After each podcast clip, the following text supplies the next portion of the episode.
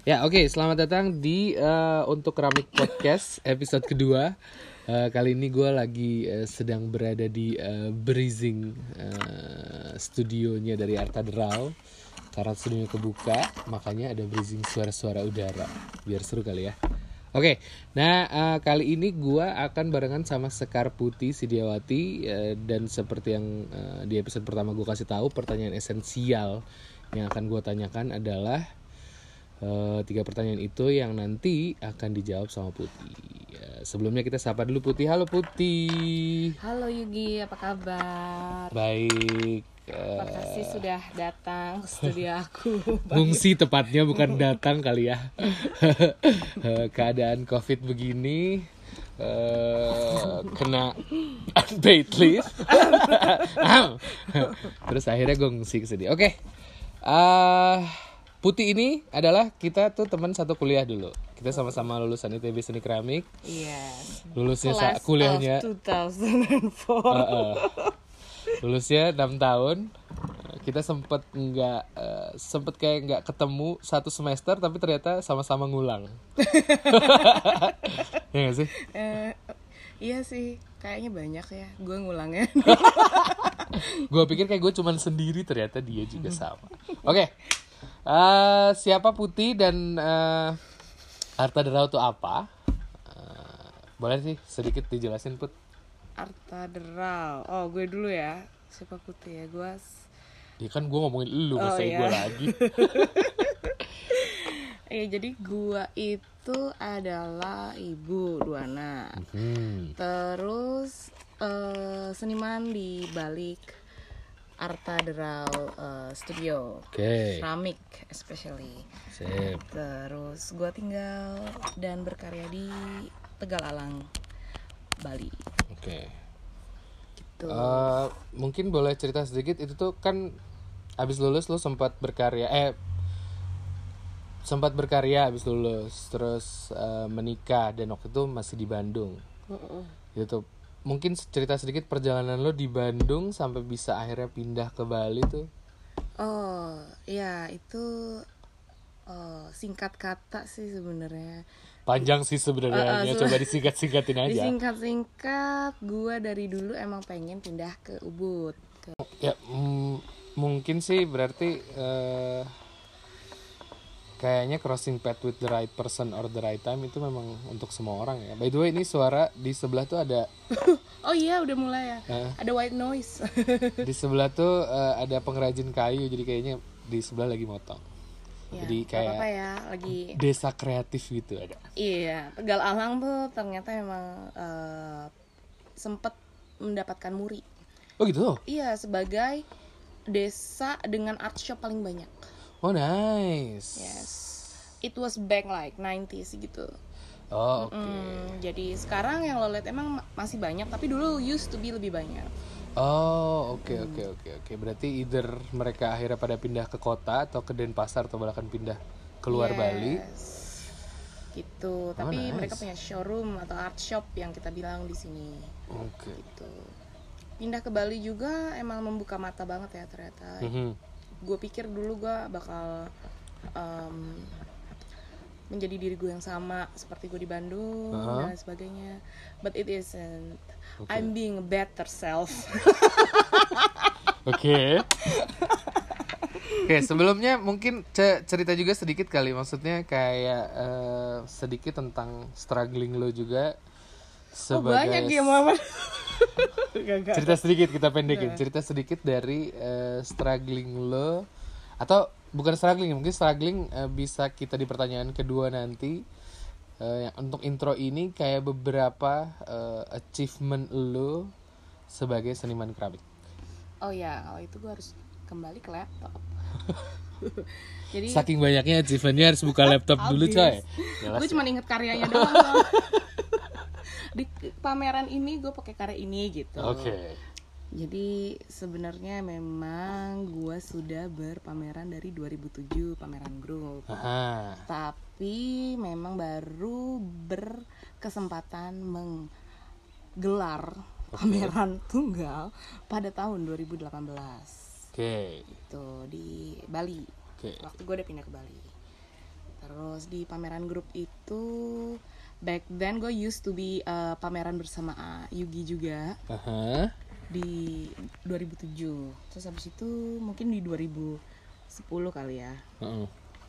ada mm, ini pameran perempuan di Kana Gallery waktu itu di namanya Scarlett Oke. terus abis itu 2010 juga gua ikut karya tugas akhir gua dipamerin di waktu itu masih ada Sumarja Art World di Galeri Sumarja Oke. jadi mer, apa sih mewakilkan seni keramik ya Yes. itu.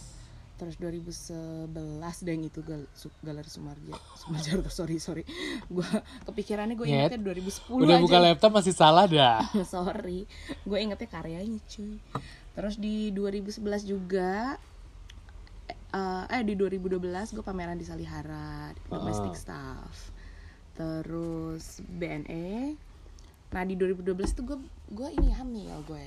Oke. di Bandung New Emergence ini karyanya sekarang sedang dipamerkan lagi di Bandung di Selasar Sunaria juga Oh nice. the same artwork Oke. ya it's like super cool karena menurut gua gua waktu itu lagi hamil muda dan eh, bingung karena walaupun gue sama Agung sudah menikah 4 tahun kita eh, tidak expecting untuk punya anak Cepat secepat itu. itu. Oke. terus di 2000 ya se- se- setelah itu gua eh, di BACAA jadi mm, finalis Nice. yang ketiga BACA yang ketiga sama di Art One Gua nggak masuk waktu itu. Play yang terakhir nggak masuk. nah di BCA di- yang di BACA 3 yang Yang enggak, yang keempat, yang terakhir. Yang keempat, eh keenam, sorry. gue gak gue eh, sekarang udah keenam ya? Wow Lupa gua. Keenam apa enggak? Pokoknya yang, yang akhirnya yang menang tuh Vincent. oh oke. Vincent ye. Dia dari seni keramik juga kita seangkatan. Terus habis itu si di BACA 3 nih karya gue ini Gi. Yang pakai jarum jam gitu jarum jam jadi eh, dulu tuh gue punya konsepsi bahwa keramik itu such a highly toxic field Oke. tapi ternyata it's our uh, privilege juga untuk bisa milih toks antara toxic dan tidak Ah, ya, ya. kayak misalnya bentonit gitu tuh kan ada di masker juga masker kecantikan ibu-ibu yang Ah, oh. uh, uh, dipahami sebagai We learn everything new every day ya. Ternyata even gua yang orang keramik aja nggak tahu kalau itu ada di masker ibu-ibu. serius? serius gua. iya ya jadi kayak uh, jadi ya kenapa gue tidak terus melanjutkan berkeramik saat itu gue pikir cuman memang persepsi uh, kemudian society sekitar gue support system gue saat itu tuh tidak mendukung Oke. gue untuk berkeramik gitu. Berkeramik di sini intensinya dulu gue masih berkarya ya karena mungkin di 2012 tuh belum ada dera 2012 2013 tuh belum ada Arta Derau dulu Derau. Oke. eh, studio gue. Terus habis itu di 2013 nih gue mulai agak loose berpameran karena memang eh, susah keadaannya sebagai ibu baru terus gue merasa tidak ada support system saat itu untuk em, ya teman-teman gue kan belum punya anak ya boy ya saat itu. Masih Oke. masih baru nakal ibaratnya bahkan. Putini Putini nakalnya dari SMA loh. oh dari SD gue dari lahir. Oke oke. Eh, mungkin untuk tadi kan udah eh, menjelaskan sedikit tentang karya lu put. Eh, sambil Eh, mungkin belum sam- masih banyak sebenarnya. Oh, belum, enggak, enggak, enggak, enggak, udah. Nggak, maksudnya eh, kasih tahu eh, untuk orang-orang yang mungkin sambil dengerin ini mau eh, ngelihat karya lu tuh kayak apa, boleh dikasih tahu bisa lihat di Instagram mungkin Oh Instagramnya iya apa? benar di Instagram gua yang untuk nge showcase karya at Sidhiyawati S I D H I A W A T I Oke. Kalau mau lihat yang Arta Draw bisa ke at Arta Derau A R T A D E A R A U Oke. Nah, em, satu lagi itu yang Instagram Sekarepe Putih itu apa? Oh itu itu mah hura-hura gue aja Iya. sebagai gue. Ya kalau lu mau lebih kenal gue, please follow, kindly follow. Oke oke oke. Nah eh, lanjut ke pertanyaan kedua nih. Eh, Yang tadi kan eh, intro tentang diri lo sendiri. Sekarang sebenarnya arti keramik buat lo sendiri tuh apa sih? Oh iya, gue kayaknya kemarin nulis deh, tapi ya udahlah ya. Arti keramik itu simple buat gue. Saya secara sains itu kan eh, sebuah benda yang kalau dibakar atau dipanasin itu pada certain point itu bisa mengeras dan Oke. bisa memiliki nilai archival gitu. Mhm. Kecuali dia jatuh ya pecah gitu. Yes, Itu yang mungkin yang memang paling eh, agak menurut gue paling kontradiktif dari keramik adalah proses pembuatannya itu sangat delicate, Mhm, betul. prosesnya panjang dan tidak bisa melewati sistematis eh, proses yang harus dijalankan. Udah jadi perfect, kalau jatuh pecah. Iya nggak instan. Yes. Fragile ya sama kayak eh, hati kita dalam masa ini. Benar oke. benar benar. Ya terus terus di luar dari eh, secara saintifik arti keramik itu buat diri lo sendiri dan hidup lo sekarang. Oh. Oh. Karena sebenarnya kan mungkin dari dari podcast ini tuh eh, ya seperti yang gue jelaskan di eh, episode pertama bahwa gue tuh pengen menyebarkan awareness tentang keramik dan arti keramik bagi orang-orang yang eh, berkegiatan di dunia keramik, either nanti seniman, eh, potters, banyak sih maksudnya maksudnya pottersnya tuh eh, dari segi seni juga banyak, Dari segi potters kriya juga kriya banyak, juga ya. banyak, dari segi desain juga ada. Hmm, betul Nah, betul. buat lo sendiri nih, karena lo kan sekarang menggelutinnya di dunia seni. Mm-mm, kalau buat gue sih seni fi- seni keramik ya itu tuh dia tuh tidak terbatas tapi ada batasannya gitu. Heeh. Tapi buat gue secara filosofikal media keramik itu buat gue adalah sebuah media yang memiliki ruang dalam dan ruang luar. Heeh. Hmm, dan itu kuat dan fragile di saat yang bersamaan jadi kayak binary perspektif eh, tentang material atau eh, secara konsepnya juga biner menurut gue Oke. Mm. ya kalau mau dilanjutin banyak sih cuman ya gue diem aja deh Lo gak apa gak apa elaborate aja kan dari sini. Ah, oke oke Lo menjelaskan arti keramik nanti kalau mulai kayak eh, waktunya udah mau mepet, nah untuk ke pertanyaan berikutnya nanti gue potong. Mm-mm, bisa bisa Gitu. ya jadi kayak Minum dulu, minum dulu. ini air putih mau air putih Nah kita di sini gak puasa ya maaf. oh ini kan udah bukan udah in- ini ya jam 6 Oh iya ya lupa. Oke, sorry, sorry, sorry. Udah buka, udah buka. Sorry, sorry. Di sini memang eh, jam 6 tuh masih agak terang ya. gue sih Kelihatan banget mereka tahu ya kita lagi gue sih di lagi apa gue sih terang. lagi dapet Kalau gue hmm, enggak lah.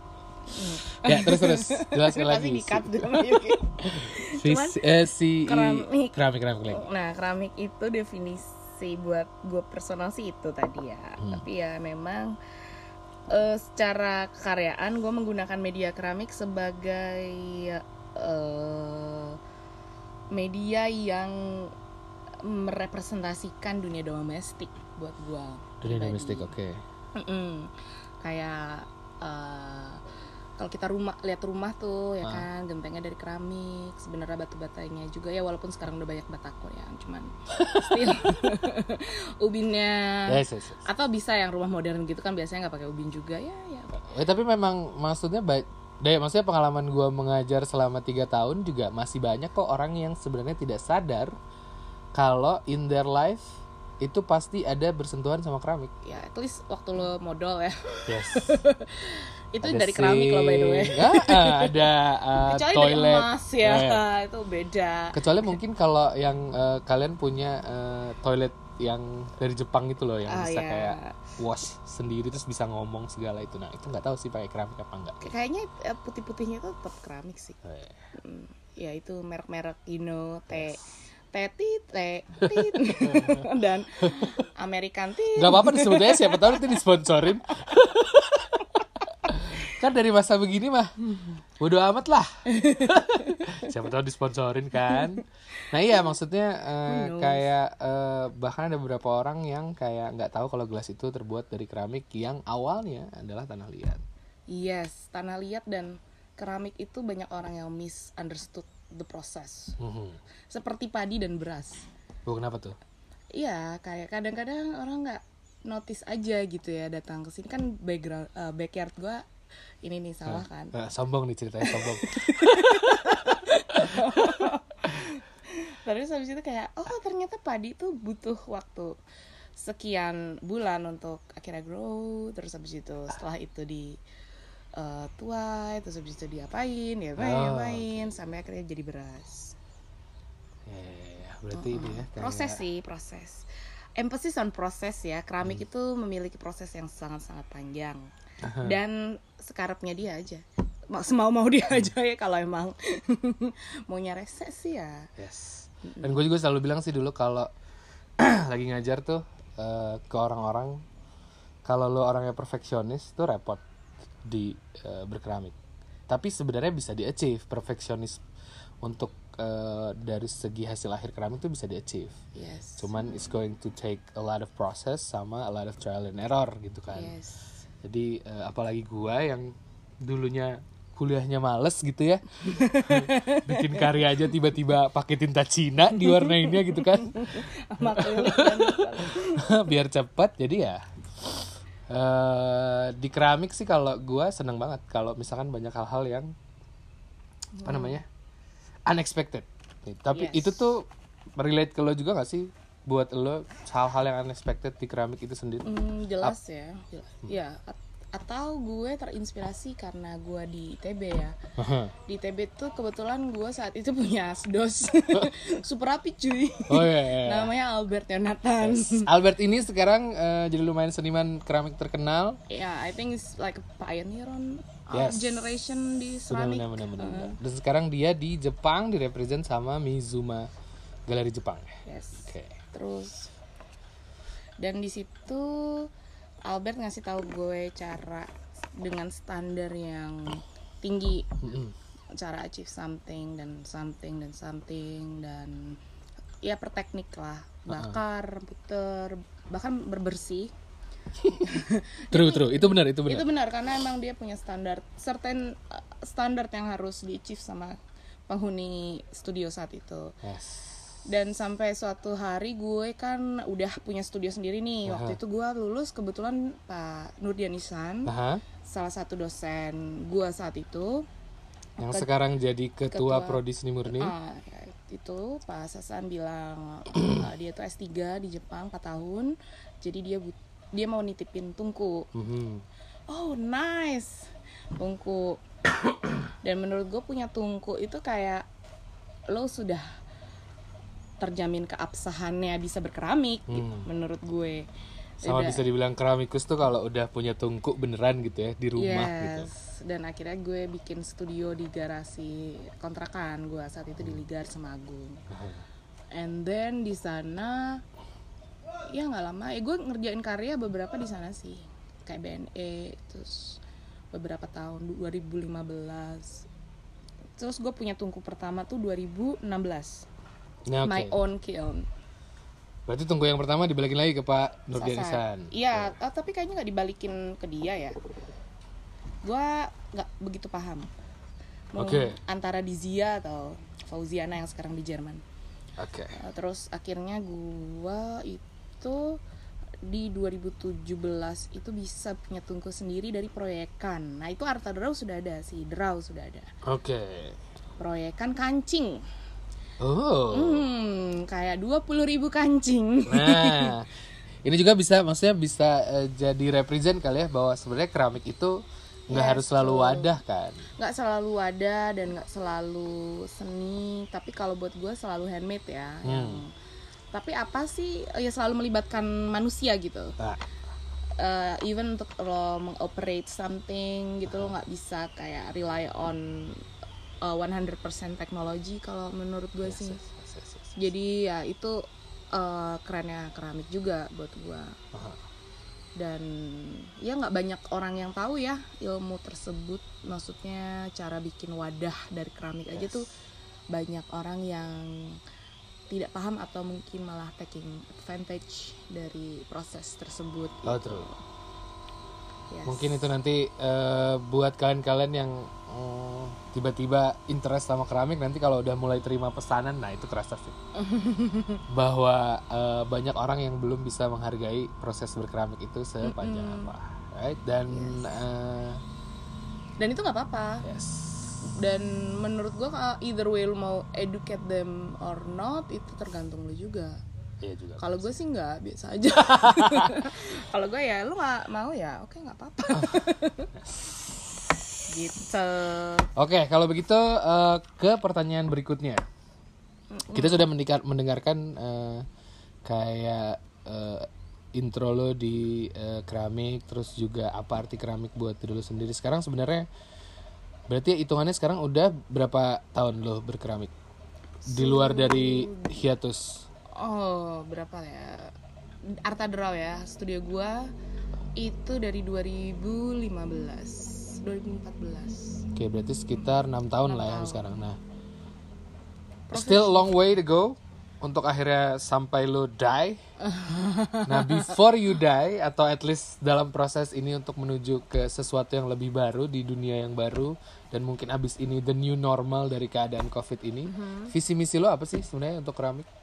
Visi misi untuk keramik buat gue personal atau buat secara Mungkin personal dulu.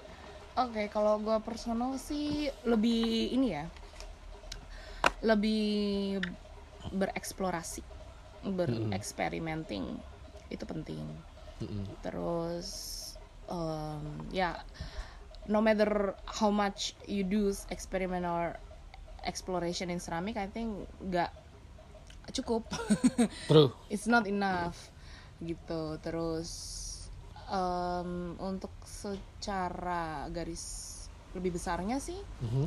sebenarnya mungkin lebih kepada em, membangun skena perkeramikan Indonesia yang lebih solid Mhm. Uh, not only from putters sama akademisi aja ya Mhm. Tapi mungkin dari pengrajin sampai em, tukang gitu karena gue kebuka banget sih di Bali bersentuh sering bersentuhan dengan industri keramik yang bigger Mhm. dan mereka tetap ada di eh, skena sosial keramik bahkan internasional Mhm. secara factory gitu Mhm.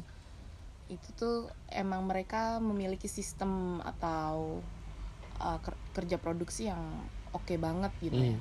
Yang menurut gua nggak bisa diterapin di uh, kalau lu bikin sendiri gitu. Hmm. Tapi uh, kalau lu bikin sendiri dalam kurun waktu yang sangat lama Hmm. dan eksistensi lo terjaga, menurut gua memang itu pun bisa merepresentasi uh, diri lo sebagai uh, on the map of the ceramic scene sebenarnya. kayak Oke. gitu menurut gue jadi jangan malu untuk showcase karya lu jangan takut gitu sih. Yes. Ya, eh, lagi-lagi kalau misalkan pada mau ngelihat eh, sekar putih itu eh, atau eh, yang sering dipanggil putih itu kayak apa karyanya bisa lihat di @sidiawati atau kehidupannya dia di @sekarepputih. ya sekarang P aja lah ya Sekar P putih. Maksudnya seterserah putih itu. Terus untuk eh, dari produk-produk sendiri bisa lihat di @artadraw. Jadi memang si keramik ini butuh eh, mungkin butuh mapping yang lebih eh, terperinci kali ya. Mm-mm, dan lebih terbranding kali ya Ya benar. Soalnya di luar dari kita-kita ini yang hitungannya biarpun umurnya udah di atas 30 kan hitungannya masih masih anak-anak eh, masih orang muda yang akhirnya berkeramik kan. yes itu betul Sebenarnya masih banyak dari kota-kota atau bahkan mungkin desa di Indonesia yang sebenarnya dulunya itu hidup dari berkeramik. Mhm. Cuman karena memang tidak diekspos dan tidak dibantu eh, oleh eh, orang-orang yang bisa membantu, Mhm. jadinya hilang tradisi itu kan. hilang dan kemudian ya di taking advantage ya karena ah cuman bikin gerabah atau cuma Nah yes, itu juga yang selalu bikin gue sakit hati ketika kayak oh itu kan cuman tanah liat. Cuma tanah liat cuma pegang-pegang tanah liat gitu. Terutama kayak kalau ngajar anak-anak terus yang ibunya bilang kayak ah, itu kan cuman eh, mencet-mencet cuman oh my pinching. god. Mom it's pinching. Gitu ya gue dari yang kuliahnya males sampai nggak nggak nggak nggak kepikiran kalau bi- kalau berkeramik itu bisa menjadi profesi. Sampai sekarang sakit hati kalau dibilangin keramik itu kayak ya itu true sih. Profesi seramik itu kayak eh, agak di ya jelas lah dipandang sebelah mata karena kita kan ngejual produk yang bahkan bukan tersier. Gitu. tapi kalau lu karantin dan lingkup lo cuma di rumah lo aja kayak itu penting sih keramik tuh.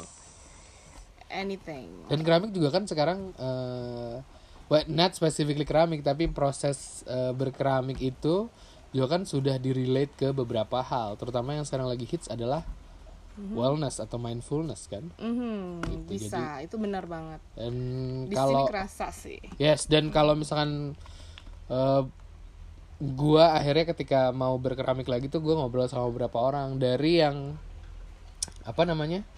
dari yang dulunya stres eh, terus sampai jual bisnisnya untuk akhirnya berkeramik sampai yang akhirnya beramik itu berkeramik itu menjadi eh, pelarian buat mereka tuh banyak sebenarnya. Jadi orang-orang berkeramik sendiri nih itu eh, alasannya banyak. Kalau misalkan kita terutama putih ya karena dulu lu memang kuliahnya keramik. Gitu. benar. Gua pun akhirnya balik lagi berkeramik karena gue berasa kayaknya gue harus balik lagi ke roots gue nih edukasi gue tapi sebenarnya banyak orang-orang yang dulunya bukan, lulusan keramik. betul. Akhirnya tapi berkeramik. memilih dan akhirnya membuat income ya. Yes. Income. Nah itu juga penting tuh. Harus sustain bikin keramik. Nah sustainability itu memang itu kayaknya pembicaraan di eh, Another podcast another ya. podcast deh. Kayaknya itu soalnya butuh butuh panjang kayaknya kalau itu kita ya. harus eh, ini dong. Undang dosen-dosen kita. Oh, another another another another. Dan sustainability-nya juga memang caranya beda-beda kan? Nggak harus Betul, tidak harus bikin bahkan. Ah, ah.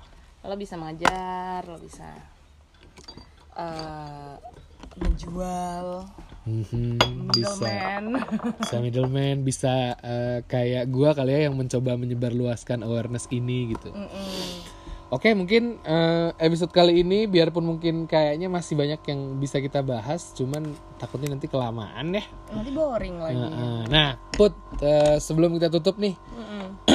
ada mungkin eh, pesan dari lo gitu untuk orang-orang yang eh, either mau berkeramik atau mulai ada interest ke keramik tuh apa? Kan Mm-mm. lo juga kan di Arta Derau dan lo sebagai seniman kan eh, empowerment kan artinya.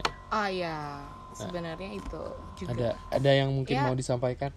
Ya itu sih. Eh, nggak harus dari keramik tapi intinya adalah eh, lu harus eh, tidak ragu untuk showcase yourself your kind true self dan juga karya lo gitu. Jangan takut untuk bikin karya kalau ada orang bilang itu karya jelek atau karya nggak cukup atau oh karirmu sudah mati gitu. It's okay. Just do it. Just believe in Yes. yourself. It's very important untuk ngelihat kedua atau satu cerita dari dua sisi atau lebih. It's very important dan yang paling penting lagi ketika lo mengerti dan udah bisa melihat dari dua sisi tersebut Hah? lo tidak berhenti. Don't stop. Oke please don't stop. Ya oke eh, segitu dulu eh, teman-teman eh, untuk keramik podcast buat episode kedua kali ini. Eh, sekali lagi terima kasih Putih terima kasih sama-sama. gua. Udah boleh ngungsi ke sini gara-gara eh, covid dan semua orang yang lagi pada dengerin. Hmm, stay safe. Stay safe uh, stay at home. Mm, Uh, kalau misalkan ada pertanyaan bisa langsung uh, DM aja kali ya di at Yes. untuk dot keramik. Mhm. Uh, tentang mungkin kalau misalkan kalian punya saran kayaknya siapa nih? Yes itu benar. Yang uh, yang pantas men- ini diwawancara. Bukan. pantas sih lebih kayak ke yang mereka pengen, Pengen banget dengar. mendengar cerita orang Oh, itu gitu. Karena gua di sini pakai aplikasi namanya An- Anchor Eh, dan terima kasih itu buat eh, Decil eh, Prapanca. Nah, kita dulu Yeah, satu teman kita dulu satu angkatan cuman dia eh, drop out. Uh, gue juga dulu sempat jadi penyiar radio di OS tuh bareng Decil. Uh, terima kasih untuk uh, informasinya tentang si aplikasi ini. Membantu ya Gi ya. Yes, dan jadinya uh, siapa pun yang kalian pengen dengerin uh, ceritanya uh, bisa dilakukan pakai aplikasi ini dari jarak jauh karena Hmm, tidak perlu kayak sekarang nih ya Gi. Nah, kalau sekarang kan lagi uh, apa namanya lagi secara kebetulan gue lagi di sini uh, ngungsi ke tempatnya Putih, jadi kita coba episode kedua ini uh, dengan Putih. Kalau gue jauh sih gue nggak akan jadi episode 2 guys. testing, testing, testing. Oke, kalau gitu uh, terima kasih udah pada mau dengerin. Uh, jangan lupa uh, follow tadi uh, Sekarepe Putih, Sidiawati atau Arta Derau uh, buat uh, apa namanya untuk informasi tentang keramik yang uh, pengen gue coba sebarluaskan di add untuk keramik. Uh, kalau misalnya mau follow gue juga boleh. Follow dong. at y titik Atmaja. Kalau gitu sampai berjumpa di episode berikutnya. Dadah. Nah.